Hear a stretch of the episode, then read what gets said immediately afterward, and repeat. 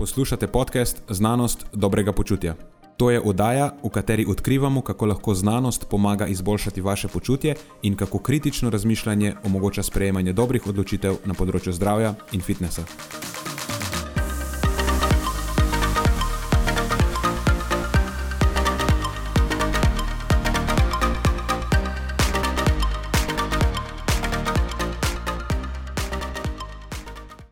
Pozdravljeni, z vami sem Nenad in tema tokratne epizode je vpliv vitamina D na mišično maso, oziroma bolj natančno, vpliv genetsko determiniranih ravni vitamina D v serumu na mišično maso.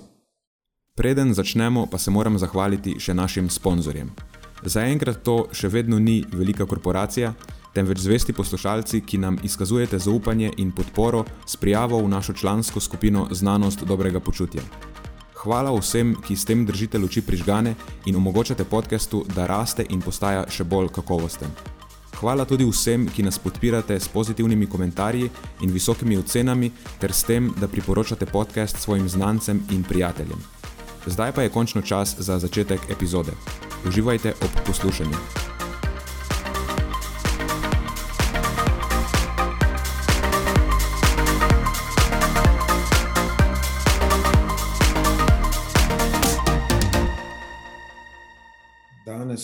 Imamo očitno solo epizodo. Moja sovoditelja sta me pustila na cedilu, saj ne v resnici. Dejansko nismo uspeli najti niti ene ure v tednu, ko bi se lahko uskladili, niti danes, danes je vikend. Matjaš je cel dan snemal vaje v Džimu, Marijo je turističen, tako da zadnji dan v tednu je In če je ne posnamem sam, epizode ne bo. Torej, bom to solo epizodo izkoristil in predstavil en, vsaj meni se zdi zelo zanimiv članek, kjer dejansko poznam avtorja, Riči Krvan je avtor. Riča sem spoznal uh, lani na enem simpoziju v Dublinu, To je bilo pred korono, v bistvu je bilo dva dni pred korono, dva dni preden se je začel lockdown, sem dejansko prišel iz Dublina. Um, nač, to so bili zadnji tri dnevi uh, svobode, kjer smo lahko potovali in se družili normalno. Bilo je fajn, precej zanimivih ljudi. V glavnem, ja, tam sem spoznal uh, Ričija. Riči dela doktorat na Liverpool John Moores University. Njegov študij je usmerjen v presnovo beljakovin in uh, ohranjanje in pridobivanje mišične mase v povezavi z debelostjo in kroničnimi boleznimi. Vem, da pred korono so delali na raziskavi o učinkih visokobeljakovinske diete, mediteranskega stila v kombinaciji s treningom z bremeni. Mislim, da pri pacijentih, ki so v rehabilitaciji po srčno-žilnih zapletih. In če se prav spomnim, so želeli ugotoviti, kako pridobivanje uh, oziroma izguba mišične mase, uh, celo do stopnje sarkopenije, oziroma vem, da je bila nekakšna sarkopenija opletena, vpliva na prihodnje tveganje za srčno-žilne zaplete. Uh, zanimiva zadeva, ampak mislim, da jim je cela ta eh, korona situacija močno pokvarila načrte. In kolikor vem, so v zadnjem času, torej v zadnjem letu in pol, eh, precej delali na analizi nekih že obstoječih podatkov, pač ukvarjali so se s podatki raz, iz raznih teh eh, biobank. In mislim, da je iz tega nastal tudi članek, ki ga imam trenutno pri roki, je bil objavljen prejšnji teden, naslov članka je, bomo kar prevedli v slovenščino, torej genetsko določen serumski 25 hidroksivitamin D je povezan z skupno pusto maso, pusto maso trupa in pusto maso zgornjih okončin, raziskava z mendelsko randomizacijo. Kot že rečeno, so to Kirwan in sodelavci, objavljen je bil pa v uh, The Journal of Nutrition, Health and Aging. Eh, zdaj, v zadnjem času smo slišali že veliko o tem, kako je vitamin D pomemben za dobro imunost. Ne, mislim, da je večina ljudi dobila vtis, da je vem, vitamin D nek vitamin, ki je skoraj pomemben samo za imunski sistem, ampak vitamin D je precej več kot zgolj hranilo, ki podpira imunski sistem. Vitamin D je vpleten v številne biološke poti in pač neugoden status vitamina D je povezan z številnimi kroničnimi boleznimi. Ampak eh, na tej točki bi izpostavil, oziroma bomo izpostavili povezavo z zdravjem mišično-skeletnega sistema. Zdaj, rednim poslušalcem je to najbrž že jasno, ampak se mi zdi, da ne škodi te zadeve ponovno poudariti. Namreč dobro stanje mišic in kosti, oziroma po domače, dostojna količina mišične mase in tudi kostne gostote, sta dve super pomembni determinanti vsaj kakovosti življenja, čeprav bi si upal trditi, da tudi dolgoživosti. O pletenosti vitamina D v presnovo kalcija in posledično tudi ohranjanje kostne gostote, v tem vas je večina, predvidevam, oziroma upam, tudi že dokaj dobro seznanjena. No, predvsej manj pa se mi zdi, eh, da se omenja, da je vitamin D povezan tudi z mišično maso. In to je glavna tema tokratne epizode.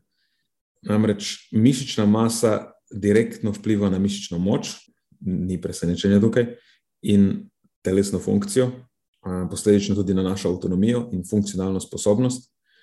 In skoraj vedno velja, da več mišične mase kot imamo, in bolj močni kot smo, lažje eh, handlamo ali pa shajamo z različnimi stresi eh, življenja, lažje poskrbimo zase, in bolj odporni smo na razno razne eh, prigode, eh, recimo temu, pa nesreče, ki se nam lahko pripetijo. Eh, in na tej točki je zanimiva zgodba iz prejšnjega tedna ker smo že pri tem in je aktualno in se precej dobro sklada s tokratno tematiko. Um, zanimiva situacija. Predvčerajšnjem me je zbil avto s kolesom in edina stvar, mislim, jaz sem bil s kolesom, ne avto. In edina stvar, ki je utrpela resno škodo, so moje kolo, moji čevlji in uh, moje hlače. Nek model mi je pač izsilil prednost in me najprej razprostrl po, po, po pokrovu njegovega avtomobila, eh, potem pa še povozil po stopalu. Za čuda, brez, eh, brez poškodbe, ok, ajde razen srednje bolečega stopala in rame, ampak recimo, da se glede na vse zaradi tega eh, ne bom preveč sekiral. In sicer je vse to eh, ena pač eh, slučajna anekdota, in Bog ve, zaradi česa sem imel tako srečo, ampak realno bi upal staviti malo večjo vsoto denarja, da se lahko vsaj delno zahvalim dolgoletnemu treningu z otežmi in recimo, recimo da nekoliko nadpovprečni količini mišične mase. V glavnem, eh, da se ne zapletam preveč, kar hočem prenesti, je to, da obstajajo življenjske situacije, kjer lahko mišična masa odloči o tem, ali boste zaradi neke eh, nenavadne prigode imeli res full za nič dan in pokvarjen naslednji teden, mogoče celo naslednji mesec, mogoče celo leto, ali pa bog ne daj preostanek življenja, ali pa po drugi strani boste morali samo ponovno nastaviti verigo na kolo in se boste lahko uh, v malo manjšem šoku, pa s prazno zračnico, uh, prednjim kolesom v osmici in desnim čevljem brez podplata, relativno nepoškodovani, odpeljali domov in pač samo nadaljevali uh, svoj večer. Uh, in, no, poleg neke splošne robustnosti, torej, ki jo omogoča mišična masa, so potem tukaj še povezave z nižjim tveganjem za celo paleto uh, kroničnih bolezni. Pač vemo, da večja količina mišične mase je povezana z nižjim tveganjem, recimo za razvoj diabetesa tipa 2, kar ni nepričakovano, glede na to, da so mišice pomemben presnovni rezervoar. Potem so tu še nižje tveganje za srčno-žilne zaplete, kar je tudi precej pričakovano, glede na to, da, kot že rečeno, mišice igrajo vlogo v regulaciji presnove in eh, omogočajo pač posledično tudi boljši kardiometabolni profil. In ker mišice ne rastejo na drevesu, ampak moraš za njih trenirati, kar bo tudi imelo pozitivne učinke na srce in ožilje. In poleg tega je večja količina mišične mase povezana še z nižjim tveganjem za kognitivni upad in za umrljivost iz vseh vzrokov. In spet, tudi to ni presenetljivo, tudi kognitivno zdravje, pa rečemo temu zdravje možganov, je v končni fazi odvisno od ugodnega presnovnega profila. In eden glavnih razlogov, zakaj živali imamo možgane, je zato, da se lahko premikamo in interaktiramo s svetom. In mišice so na nek način uh, orodje možganov. Več, več kot jih imaš, to pomeni, da so bili tekom življenja, pa še vedno so, možgani bolj stimulirani. Um, sicer ok, vse te uh, razlage, zakaj je večja količina mišične mase povezana z ugodnimi izidi, so na tej točki samo moje hipoteze. Mislim, ne moje, ampak pač neke hipoteze, ki uh, obstajajo na tem področju. Ampak dejstvo ostaja, da je zelo očitno večja količina mišične mase zaščitni dejavnik, in je povezana z nižjim tveganjem za razvoj kroničnih bolezni in prezgodnjo smrt. In starostjo zadeva postaja še bolj pomembna, tudi v povezavi z vitaminom D. Starostjo količina mišične mase skoraj neizogibno upada, ljudje izgubljajo mišično moč, izgubljajo funkcionalno sposobnost, izgubljajo avtonomijo, v skrajnem primeru se razvija sarkopenija. Eh, to je starostjo povezana eh, neka bolj skrajna oblika izgube mišične mase, pa tudi pač avtonomije, ne, kar je vezano na to.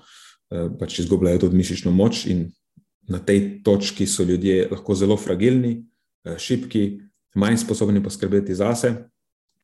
To pa ne samo, da močno načne njihovo kakovost življenja in mislim, in tveganje za kronične bolezni in prezgodnjo smrt, ampak jih naredi uh, tudi manj mobilne, ne, mogoče celo priklenjene na, na posteljo, kar pomeni, da hodijo manj na sonce in da so izpostavljeni še večjemu tveganju za pomanjkanje vitamina D. In tukaj potem nastane lahko neke vrste začaran krok, poslabševanje statusa vitamina D in ne, potem posledično vedno slabše upravilne sposobnosti. Torej, če želimo uh, vzdrževati visoko kakovost življenja tudi v pozni starosti, nam je, oziroma nam bi moglo biti vsem v interesu, ne samo, da mišično maso s staranjem ohranjamo, ampak morda še bolj, da v mladosti, um, oziroma pred starostjo, naberemo čim več mišične mase. In vitamin D bi lahko pri tem igral relativno pomembno vlogo.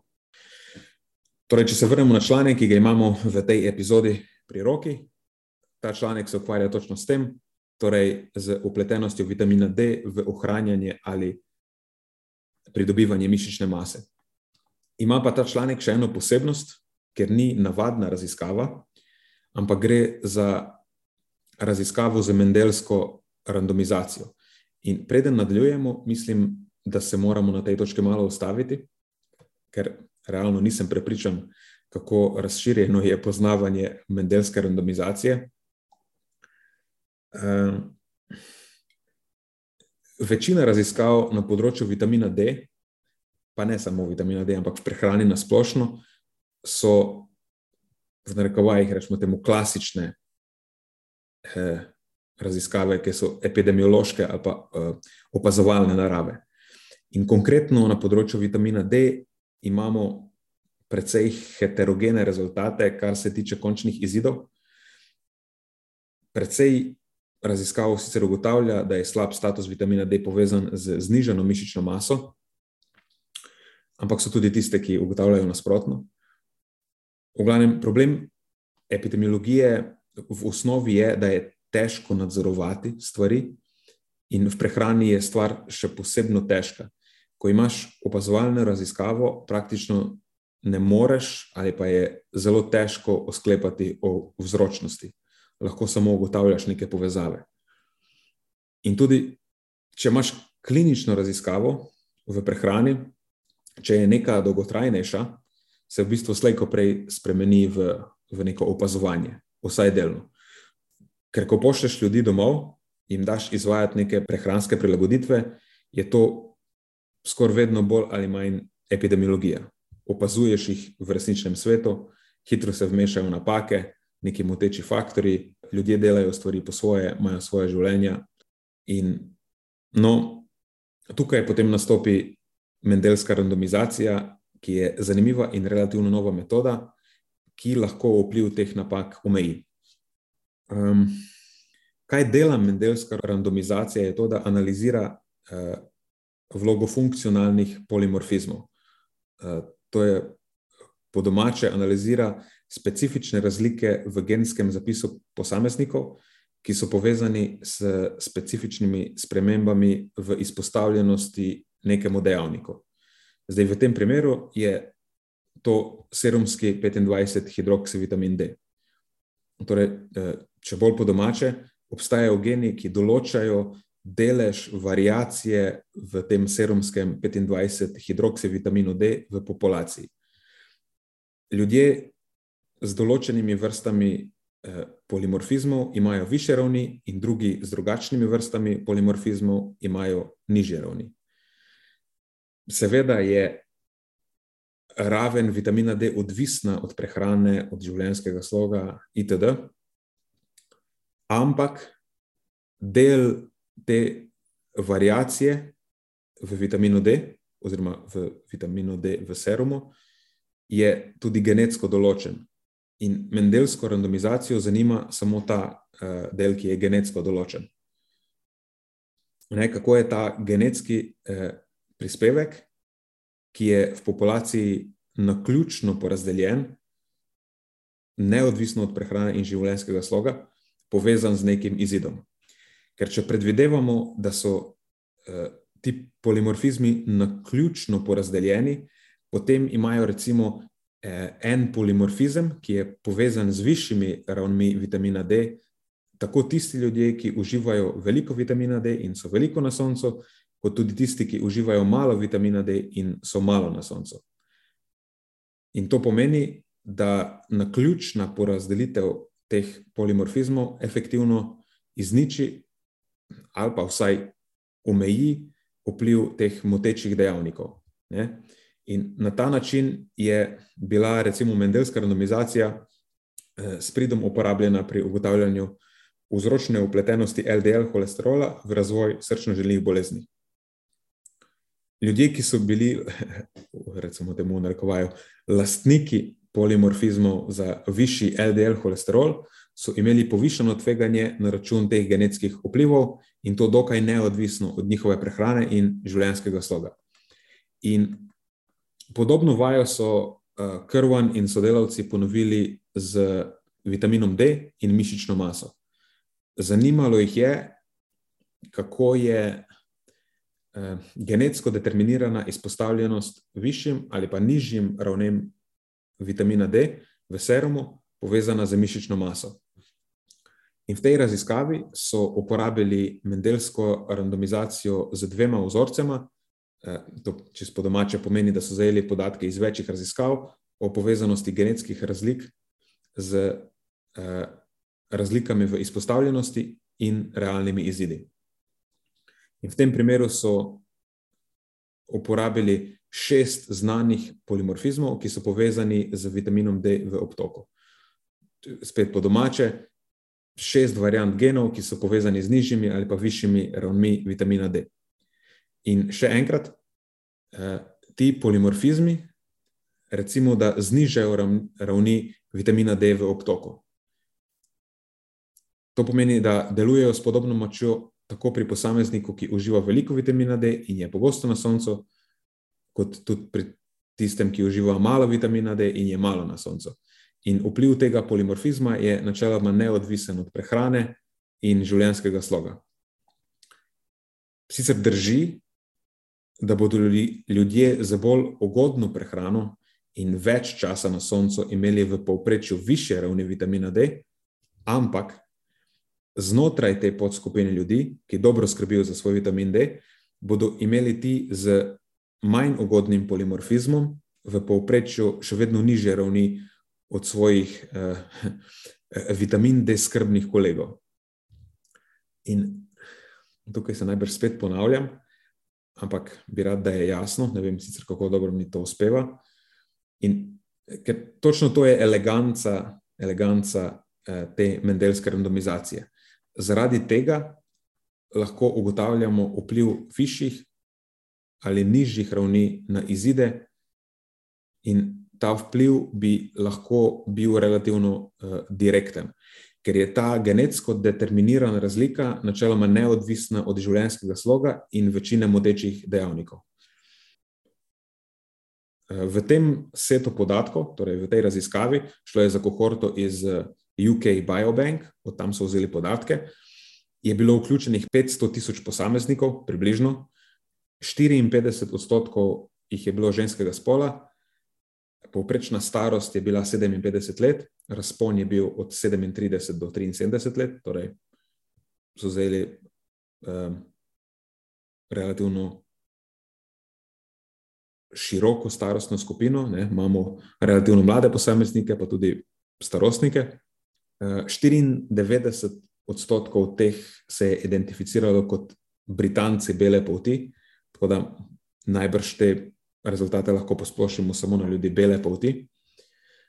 Um, telesno sestavo so merili z bioimpedančno analizo in DEXA, in mislim, da smo lahko precej samozavestni, da so meritve dobre, ker med meritvami z bioimpedanco in DEXA je bila visoka korelacija. Tukaj je bil koeficient korelacije nič cela 96, torej ena je maksimum, tako da precej visoko. In zdaj smo končno pri rezultatih. Pač sam po sebi nobeden od preučevanih polimorfizmov ni bil direktno povezan z mišično maso, to ni neko presenečenje, ampak bolj nas eh, zanimajo genetsko determinirane ravni vitamina D, ne sami polimorfizmi.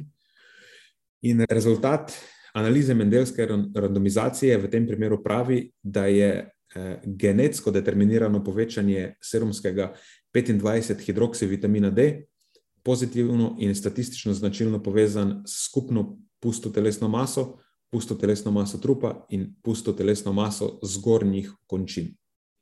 In podatki nakazujejo, da je vsako povečanje za 25 nanomolov na liter serumskega 25 hidroksivitamina D povezano s povečanjem skupne puste telesne mase za nič cela nič 42 kg. In podobni rezultati so bili tudi za pusto telesno maso trupa in zgornjih ukončin. Je pa zanimivo, da povezava za spodnje ukončine, torej pusto telesno maso nog, ni bila statistično značilna. Ok, ampak kaj to pomeni v praksi? Um, ta moč učinka nikakor ni nekaj, o čemer bi uh, človek pisal domov, ker gre za 50 gramov mišične mase za vsakih 25 nanomolov na liter, kar je samo po sebi skoraj zanemarljivo, ampak upoštevati moramo, da gre tu za genetsko determinirano varianco v ravneh vitamina D in da zadeva eh, nakazuje na kauzalni oziroma vzročni učinek ravni vitamina D na pusto telesno maso oziroma mišično maso po domače. Itak, če govorimo o pusti telesni masi v končin, je to praktično enako mišični masi. Kar to pomeni v praksi je, da genetsko determinirane ravni vitamina D v serumu sigurno ne bodo naredile švarce negerja iz vas, daje pa nam stvar vedeti, da je vitamin D potencialno pomemben dejavnik, ko govorimo o mišični masi. In dejansko se stvar kar dobro sklada z mnogimi drugimi raziskavami na tem področju. Naprimer, ravni 25 hidroksivitamina D korelirajo z mišično maso pri različnih starostnih skupinah in pri različnih kliničnih populacijah. Um, imamo recimo eno raziskavo, ok, to je nek polski primek, Vjerzička in sodelavci. So to stvar pokazali celo pri adolescentih, kjer so imeli tisti z višjimi ravnmi vitamina D v povprečju več mišične mase. Tako da že pri najstnikih se dejansko lahko ta zadeva izrazi. Pri starejših ljudeh pa so povezave še bolj očitne in bolj dosledne. Vemo tudi, da ljudje s sarkopenijo so znani potem, znani v narekovajih, da imajo nižje ravni vitamina D, če jih primerjamo z nesarkopeničnimi vrstniki. In tudi mehanistično ima zadeva smisel. Vitamin D v mišicah regulira ekspresijo tarčnih genov preko vitamin D receptorja. Uh, poleg tega pa sodeluje tudi pri, rečemo temu, narekovajih, negenetski regulaciji znotraj celičnih signalnih poti. Naprimer, vemo, pri živalskih modelih je bilo pokazano, da dodajanje eh, vitamina D aktivira mTOR S6K pot, ki vodi v povečano eh, mišično beljakovinsko sintezo in pač posledično najbrž tudi pridobivanje mišičnih beljakovin in mišične mase. Eh, plus recimo, raziskave na celičnih kulturah kažejo, da bi vitamin D lahko okrepil tudi stimulativni učinek leucina in inzulina na mišično beljakovinsko sintezo, in pa da bi lahko zaviral ekspresijo miostatina, ki je, kako eh, bi to rekli po domače, nek negativni regulator mišične mase, neka bremza, bremza za pridobivanje mišic. In pač ja, vitamin D bi lahko. Uh, onesposobil to bremzo na nek način. Čeprav vprašanje, kakšen je dejansko tukaj lahko učinek, ker je ta stvar odvisna še od mnogih drugih dejavnikov. Pač tukaj gre za celične kulture, tako da na podlagi tega ne moremo dati nekih zelo konkretnih. Uh, ni primerno na tem temeljiti nekih zelo konkretnih zaključkov. Uh, no, in poleg tega je tudi zanimiva Eh, zanimivo je to pomanjkanje statistične značilnosti pri vplivu vitamina D na mišično maso eh, spodnjih okončin, ker to ni prva raziskava, ki je dala takšne rezultate. Um, tako da tudi to je skladno uh, s prejšnjimi raziskavami na tem področju. In tudi ta razlaga, uh, ki so jo krvanin uh, sodelavci v, v, v članku navedli, je, je precej smiselna oziroma bi lahko na nek način um, podprla tisto hipotezo, da vitamin D prek uh, vitamin D receptorja prispeva nekako k ohranjanju ali pridobivanju mišične mase. Ker eh, mišice spodnjih okončin imajo načeloma manj uh, mišičnih vlaken tipa 2. In ravno ta tip vlaken je tisti, ki ima največ vitamin D receptorjev, ne, to je torej tistih, preko katerih bi vitamin D lahko vršil pomemben vpliv na mišično maso. Um, tako da, ne, recimo, če je bila povezava statistično značilna z zgornjimi okončinami, ki imajo načeloma več teh receptorjev, in ni bila statistično značilna s spodnjimi, ki jih imajo manj, mogoče celo je potem to mehanizem, preko katerega je vitamin D uh, povezan, ali pa v glavnem povezan z mišično maso. Ampak zaenkrat je to samo hipoteza. Um, in marsikaj je trenutno tukaj hipotetično, ampak na koncu dneva nam pač ostajajo ti rezultati, ki nakazujejo na veliko verjetnost vzročnega vpliva vitamina D na mišično maso. Zdaj, kakorkoli majhna je ta moč učinka, eh, in je dokaj majhna, še vedno ne moremo reči, da vitamin D ni pomemben. Ampak zdaj, absolutno za mišično maso bo še vedno potrebno najprej trenirati, potem pojesti dovolj beljakovin in dovolj kalorij. In to je, kar se tiče pridobivanja in ohranjanja mišične mase, to so strategije prvega razreda.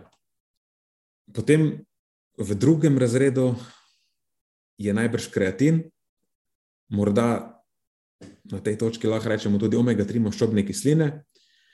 Um, mogoče še kaj, ampak mi trenutno ne pade na pamet. In potem so ostale stvari. Recimo, da so to strategije uh, tretje klase, oziroma tretjega razreda.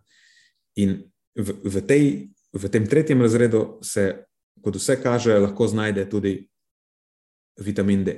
Tako da vitamin D zdaj ni neka absolutno, uh, ni neka super pomembna stvar za pridobivanje mišične mase, ampak če želimo stvar optimizirati, uh, spoh v, v smislu uh, neke dolgoživosti ali pa uh, ohranjanja više, pa nadpoprečne količine mišične mase v starosti, potem bo najbrž smiselno popaziti tudi na svoje ravni vitamina D.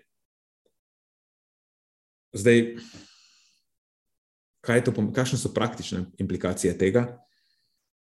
V vsakem primeru se mi zdi pametno dodajati vitamin D v, um, v neki količini, ki je, recimo, temu, neka vzdrževalna doza. Torej, to je točno tista doza, ki pokrije dnevne potrebe, eh, brez pretiravanja. V večini primerov se mi zdi upraviti smiselno uh, analizo krvi in ugotoviti, kakšne so dejansko naše ravni vitamina D. Če so preniske, lahko za krajši čas uh, dodajemo višjo dozo, torej dopolnilno dozo, in potem pač po, ponovnem, po ponovni analizi spet dodajemo uh, neko vzdrževalno dozo, ker to je bilo sicer pred korono, zdaj v tem koronskem času so fulj propagirali ta vitamin D in je precej ljudi začelo dodajati vitamin D, tako da predstavljam si, da je stanje, ali upam, da je stanje boljše. Ampak vem, da je bila na slovenski populaciji pred korono upravljena raziskava in mislim, da so rezultati pokazali, da je 9 od 10 slovencev imelo suboptimalne ravni uh, vitamina D. Tako da vitamin D je očitno neko hranilo, ki je relativno problematično. Uh, podobno smo ugotavljali tudi mi v naši praksi, če bi to so anekdotalne zadeve.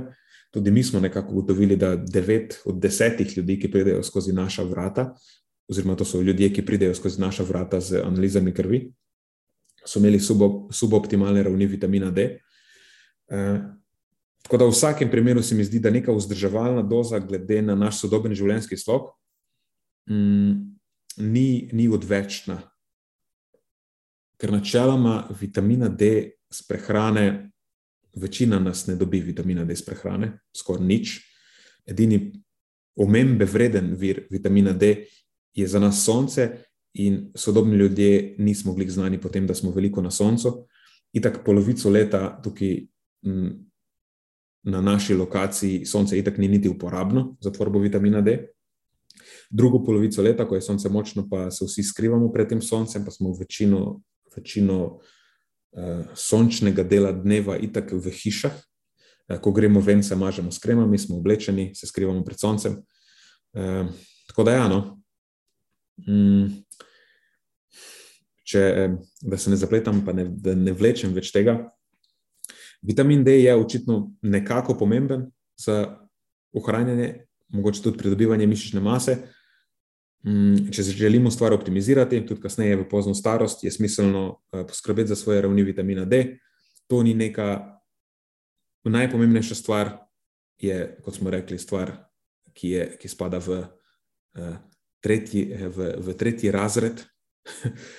Ampak na koncu dneva vseeno je vsaj mala pomembna. In če imamo pokrite vse ostale stvari, če dobro treniramo, pojemo dovolj beljakovin, dovolj kalorij, recimo, da jemljemo kreatin, poskrbimo za svoje omega-3 maščobne kisline, potem zakaj ne bi poskrbeli tudi za svoj vitamin D?